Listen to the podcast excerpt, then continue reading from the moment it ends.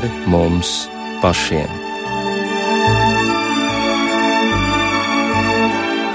Esiet sveicināti raidījumā pāri mums pašiem, lai ir slavēts Jēzus Kristus.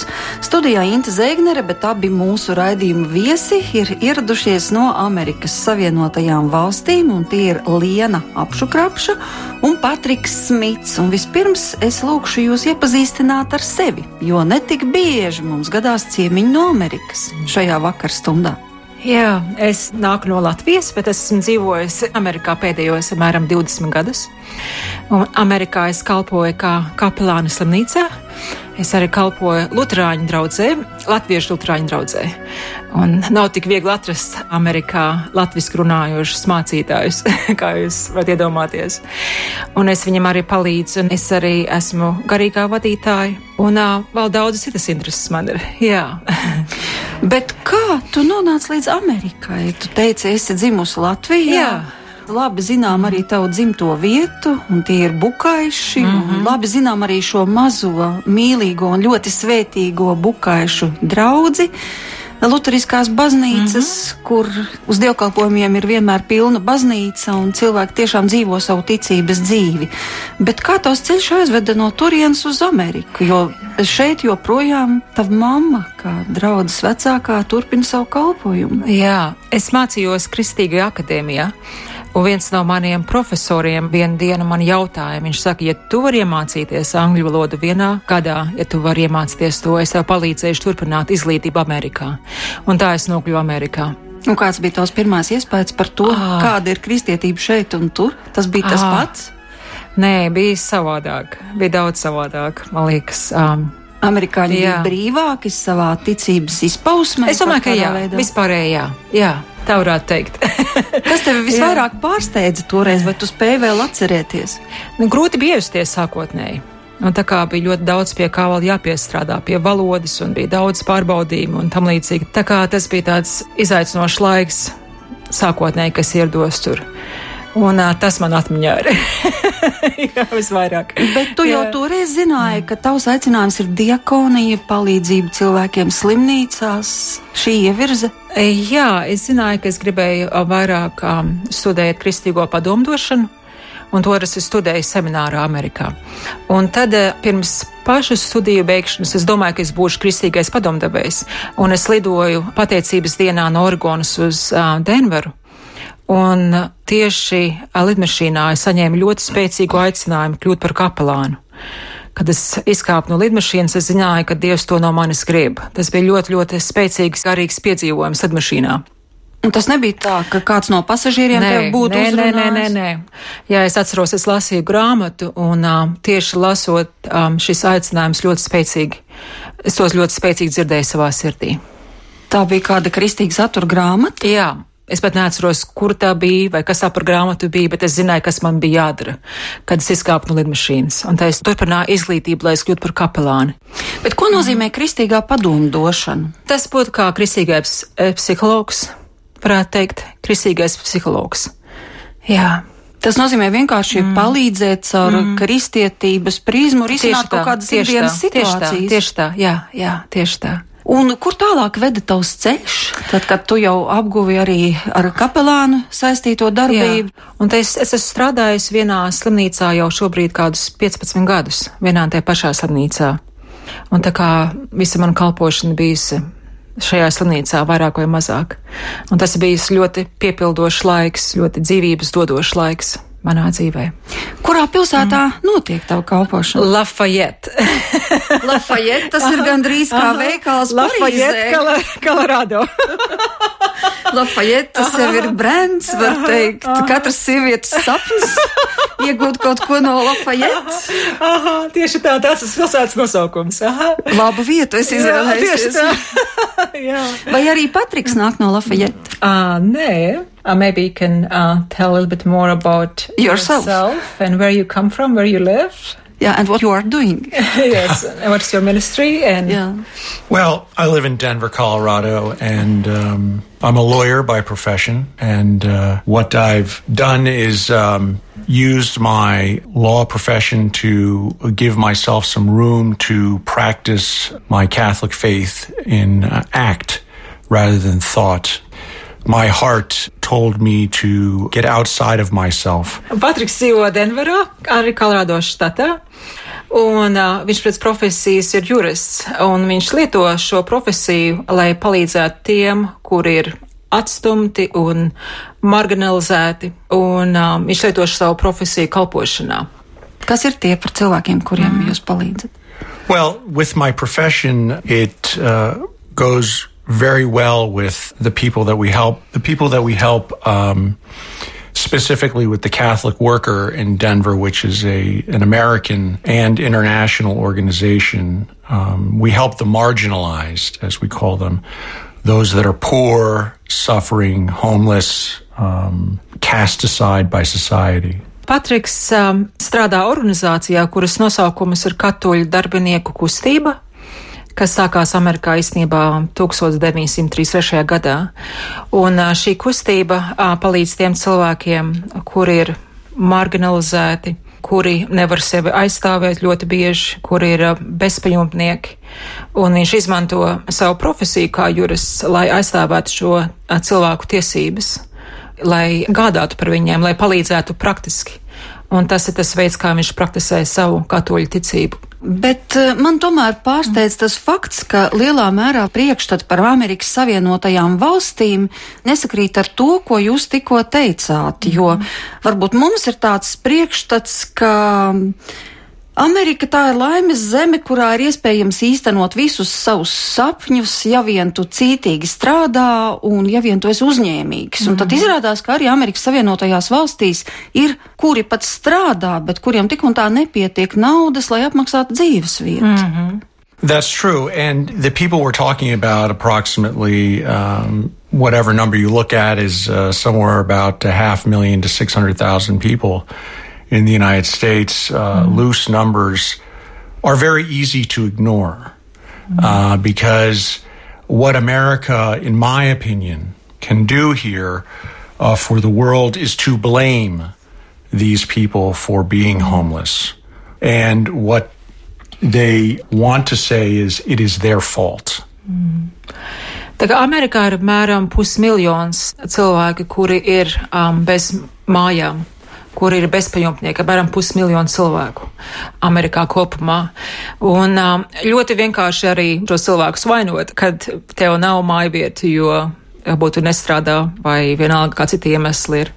Bet ir dažādi iemesli. Bieži vien arī cilvēki, ar viņi, viņi arī strādā, viņiem nav iespējams nopelnīt pietiekoši iztikas, lai maksātu par savu mājvietu. Es varētu pieminēt no savas puses, Denverā pēdējos gados cenas ir ļoti, ļoti kāpušas mājas vietām es nezinu, 340% pēdējo gadu, trīs gadu laikā. Un, un cilvēki kādreiz, lai viņš pietiekošu algu, vienalga viņam ir grūtības samaksāt par dzīvokli. Ir bezpajumtnieki, kur ir strādājoši cilvēki, bet joprojām nespēja nomaksāt par dzīves vietu. So in America, if I may, it's much like walking a tightrope in a circus without a net. You're applauded for performing, but if you fall, it's your responsibility. There is no one to catch you. And no one to understand why you shouldn't have fallen.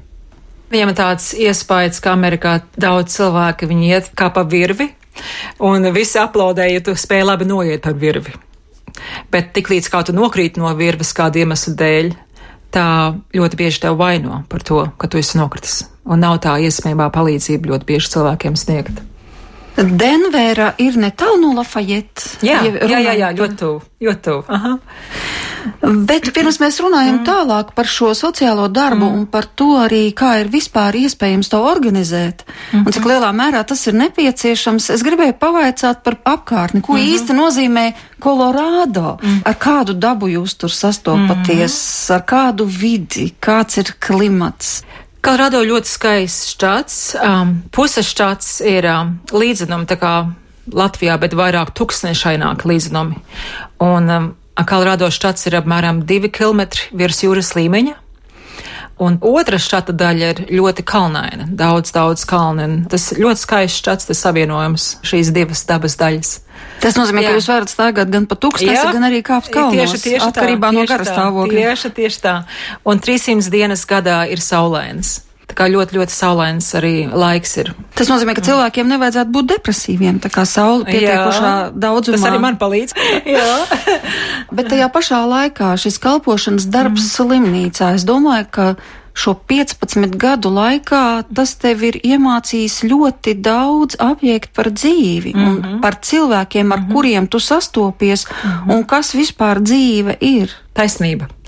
Ļoti bieži man tāda pieredze, ka es vienas dienas laikā izdzīvoju nedēļu vai pat mēnešus. Vienas dienas laikā satiekot cilvēkus un viņu situācijas un viņu problēmas. Ar. Tā kā ļoti bieži es vienas nedēļas laikā varu izdzīvot gadu.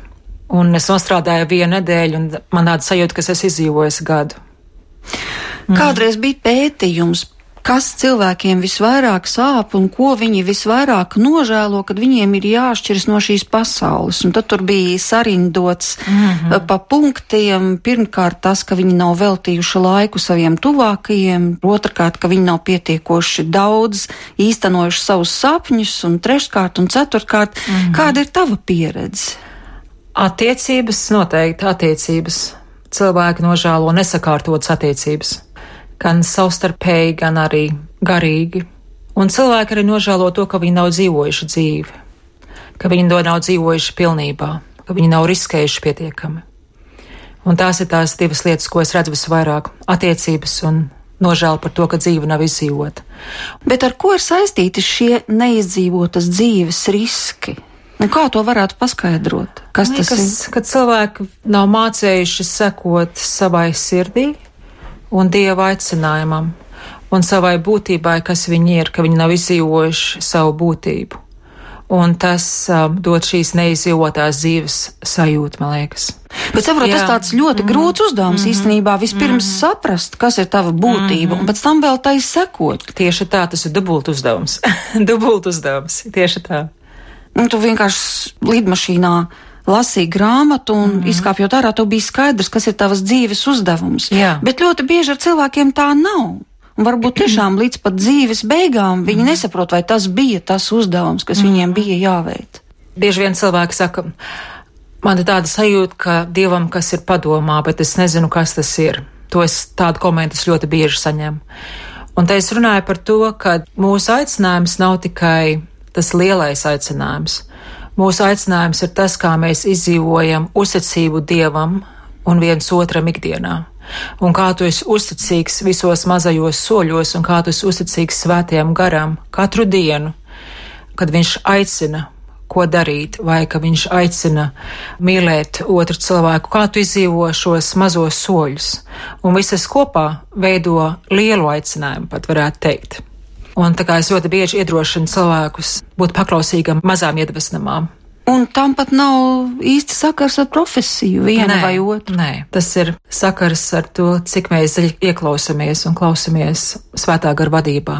Savā ikdienā. Tā ir liela slimnīca, kurā tu kalpo. Man liekas, ka mums ir apmēram 260 gultas. Vai ir kādi vēl latvieši tavā Lafayette, vai tu esi vienīgā Latvijas pārstāve savā pilsētā? Es neesmu satikusi nevienu latviešu tieši tajā pilsētā, bet es satikusi esmu slimniekus, kuri ir latvieši. Um, tad viņiem droši vien tas ir liels pārsteigums pēkšņi. Jā, jā. Pēc kā tu viņus atpazīsti, ka viņi ir latvieši pēc uzvārda? Jā, pēc uzvārda. Man bija ļoti interesants gadījums viens, ja jūs vēlaties, var padalīties. Um, un tas arī saistās ar to, ka paklausību svētā gara vadībai mazos soļos. Un es arī cenšos ieklausīties Dievā, kā viņš man vada katru dienu no cilvēka pie cilvēka. Un es biju pabeigusi savu dienas gaitu, un man bija atlicis laiks nedaudz, un es domāju, es vienkārši, nu, iešu pa koridoru, un tad, kad es jutīšu, ka svētais gars man aicina iet, kā raistabiņā es iešu, un es pieklavēju pie vienas istabiņas durvīm, un tajā bija viens vīrietis, var redzēt, ka viņš bija raudājis, un es iegāju pie viņa, mēs sākām runāt, un es dzirdēju, ka viņam ir akcents. Un es domāju, nu es paprasīšu viņam, no kurienes viņš ir. Es domāju, ka viņš ir no austrumu krasta. Bet viņš saka, nē, es esmu latvietis. Un tad viņš sāk vēl vairāk raudāt. Un uh, es prasu, kādēļ jūs raudat? Viņš saka, es visu savu dzīvi esmu beidzis no dieva. Un vakar mana māsa no Latvijas pazvanīja. Un viņa teica, brāli, es lūdzu par tevi Dievu, lai viņš tev rītā sūta cilvēku, kas tevi mierinātu. Un tas bija viņa atgriešanās mirklis šai slimnīcā. Un tas ir tā paklausība svētajam garam, kā viņš vada, bet tas bija arī viens no notikumiem, kurā es satiku latvieti. slimnīcā. Vienā mm. no 260 istabiņām mm. atvērt tās mm. durvis, kurās tev visvairāk gaida. Mm -hmm.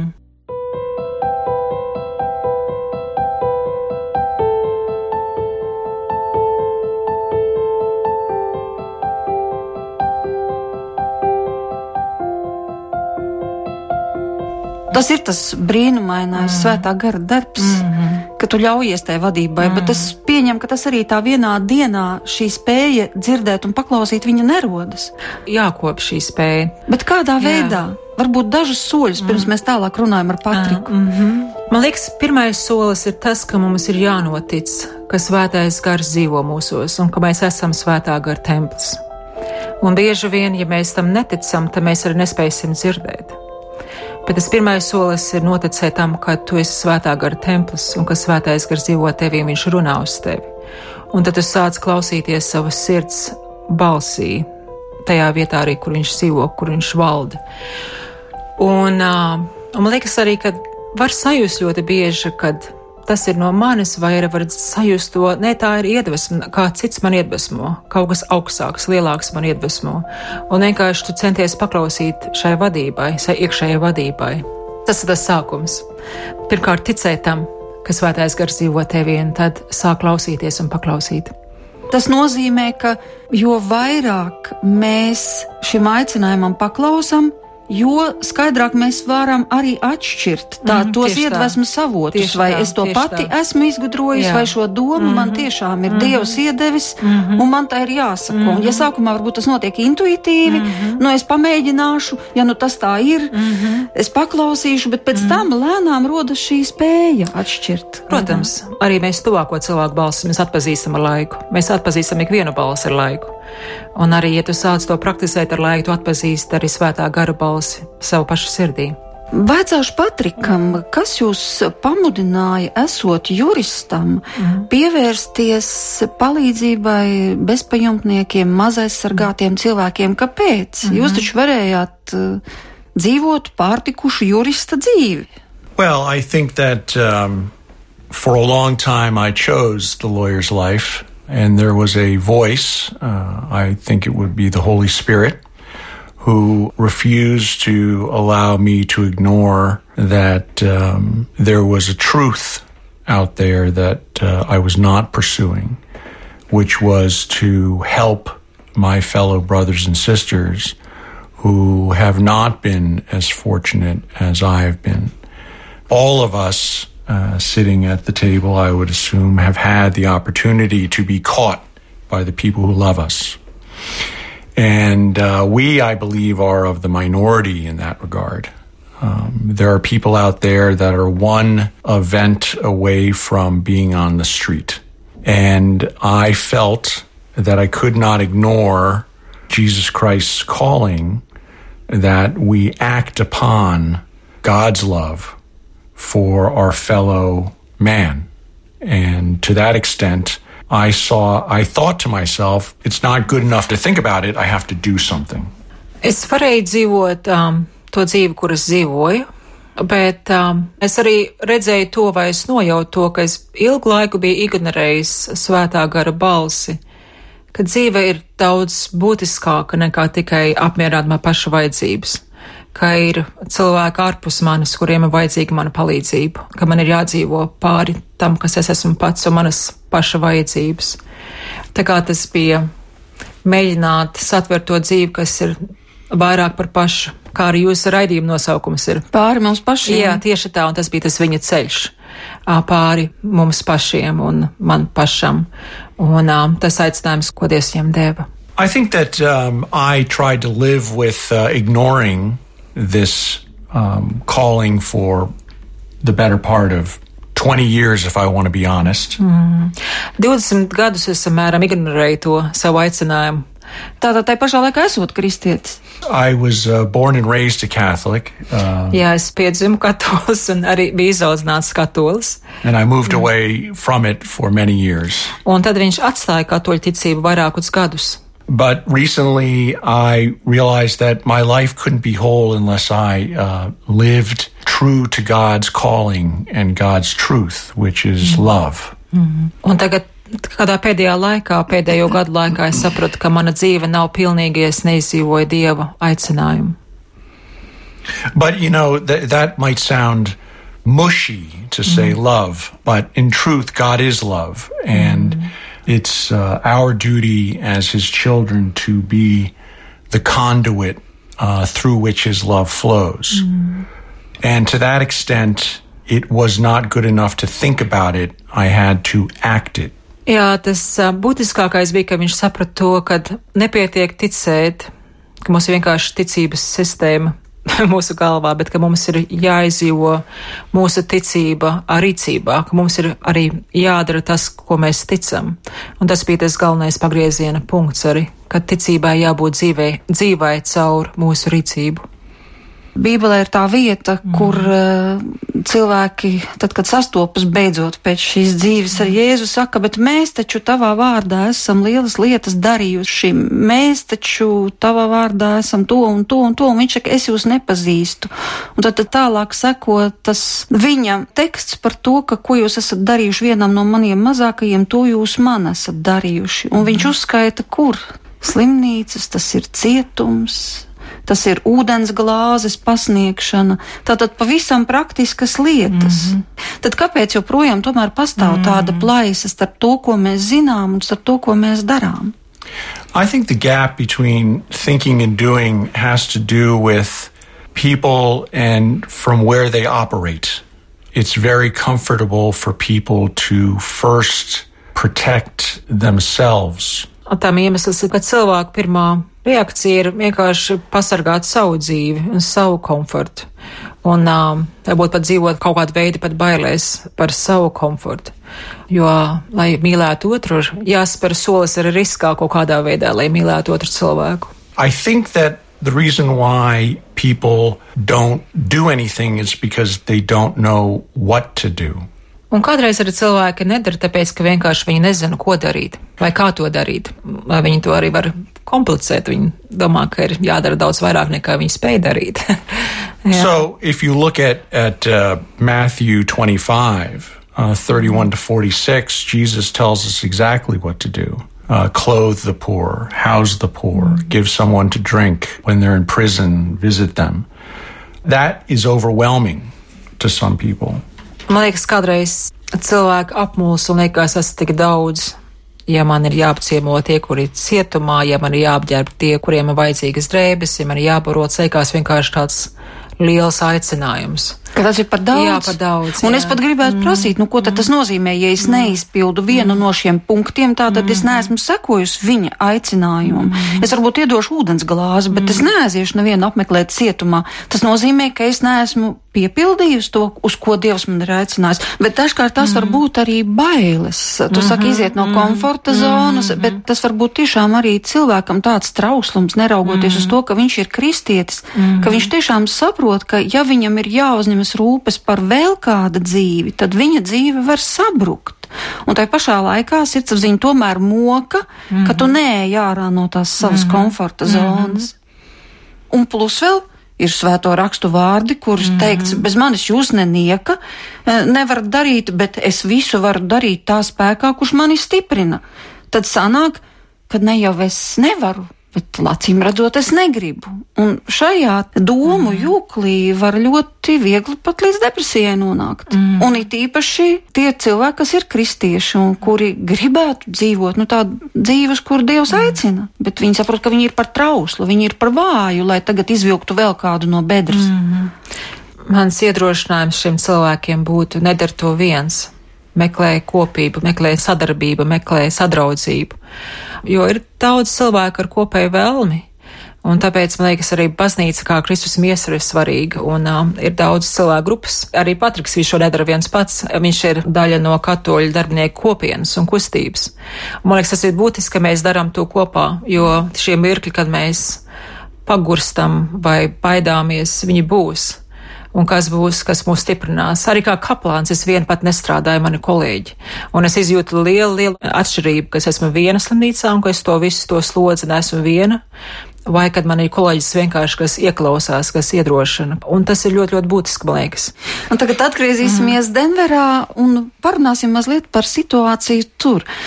Well, in Denver, Denver in the last uh, 10 years has had a great deal of people moving to it. Pēdējo gadu laikā Denvera ir vienām no tām pilsētām, kur ļoti daudz cilvēki tagad pārvācās uz Denveru.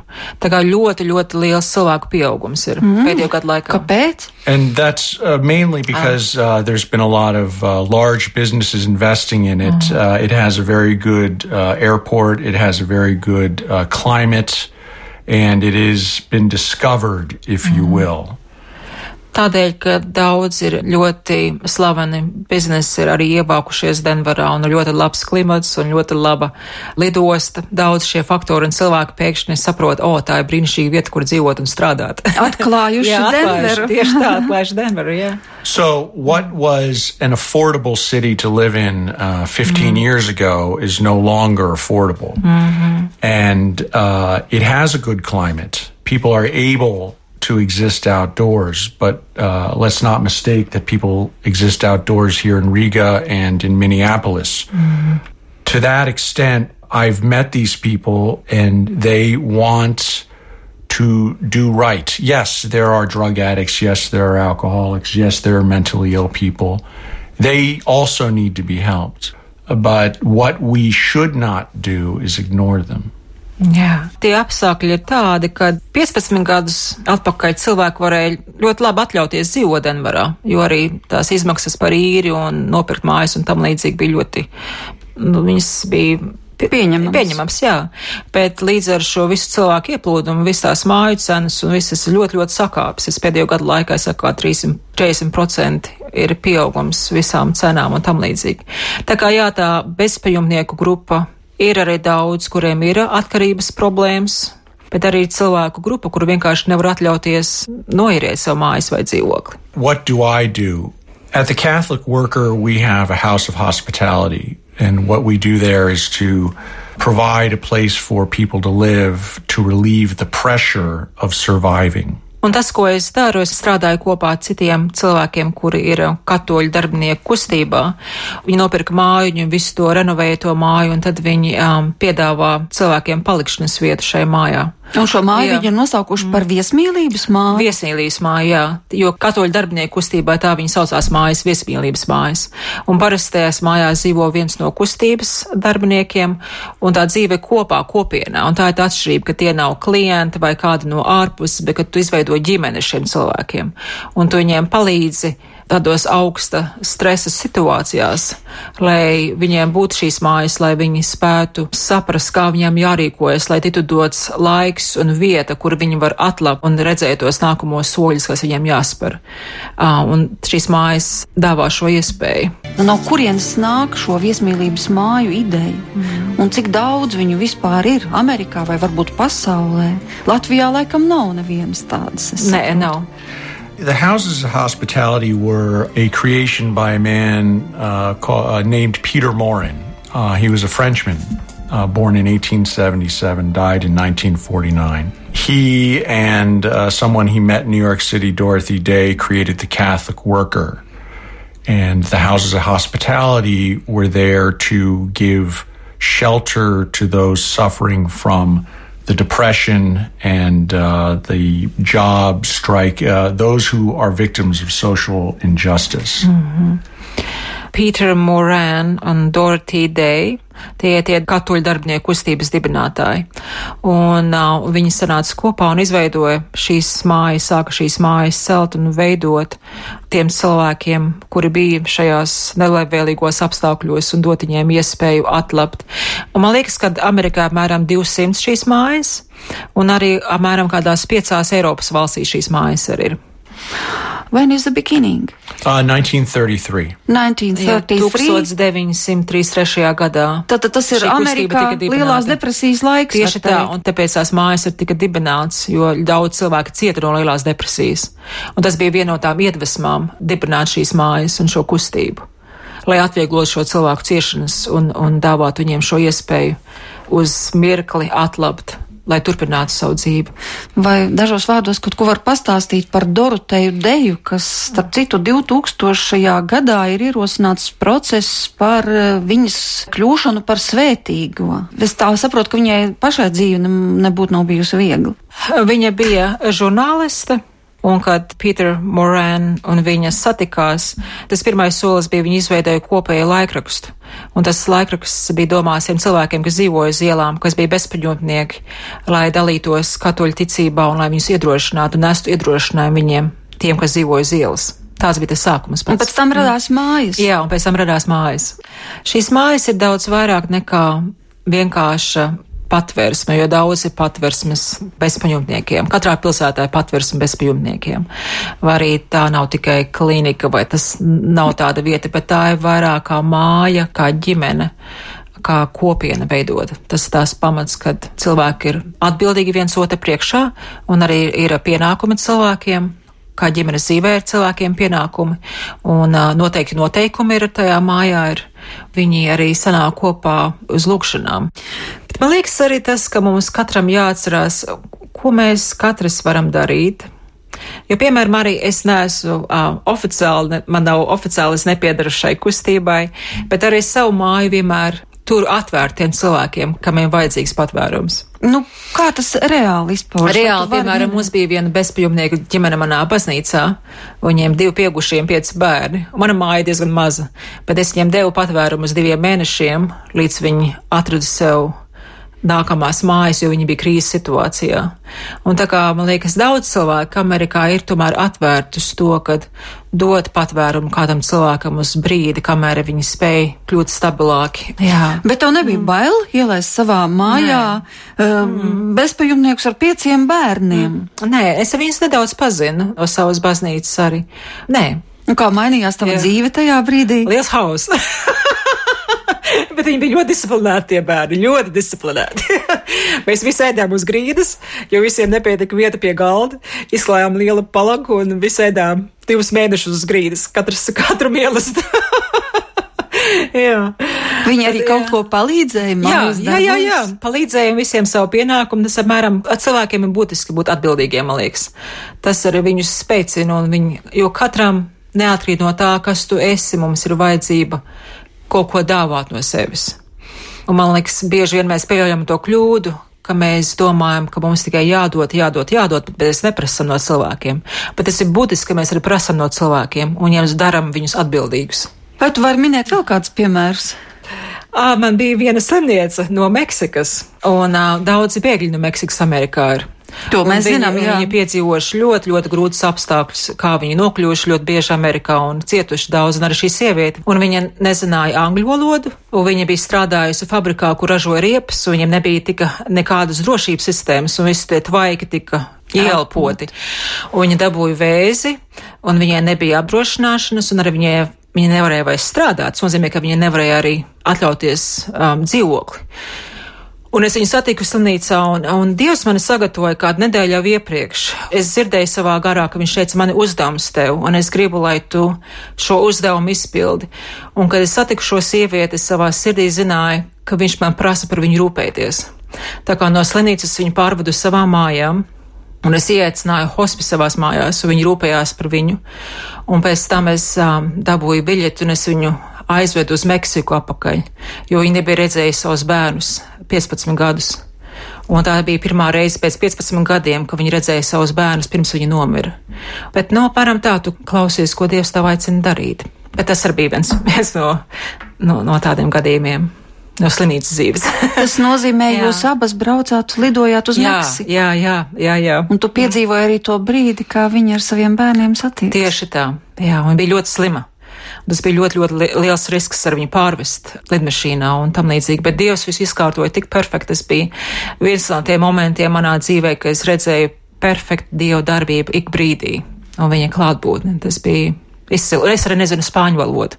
Tā kā atceries, ka viņu aizvedu uz turienu, es nezināju nevienu sarunāties, ne ar viņu pašu arī. Tas bija viss viena ļoti, ļoti liela paļaušanās. Dieva brīnums, kā tas norisinājās, bet es arī nevarēju to neizpildīt, jo es dzirdēju to aicinājumu un dzirdēju, ka Dievs man aicināja to novest līdz galam, lai viņi var nomirt savā dzimtenē un nomirt savu bērnu klātbūtnē.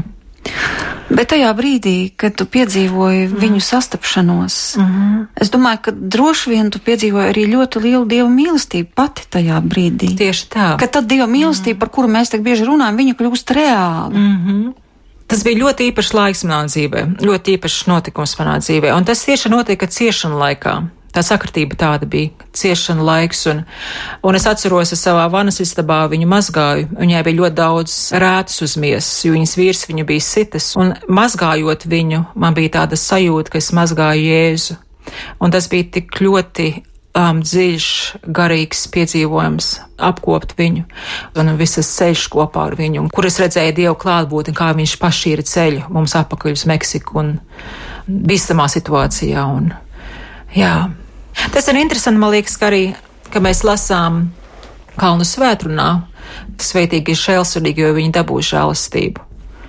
Un tas ir tas, man liekas, ka arī mēs praktizējam žēlsirdību, mēs saņemam žēlsirdību, un, un to es esmu piedzīvojis arī slimnīcā, un es vienmēr saku, ka mani slimnieki tikpat vajadzīgi man, kā es viņiem, jo tā ir nemitīga žēlsirdības apmaiņa un viņi dara manu dzīvi piepildītu un, un skaistu un uh, pilnu ar Dievu klātbūtni tādēļ, ka viņi ir manā dzīvē un, un cerams, ka es varu dāvāt to viņiem. Tu piedzīvo to Dievu klātbūtni, kas ir tajā otrajā cilvēkā, kas dzīvo otrajā cilvēkā.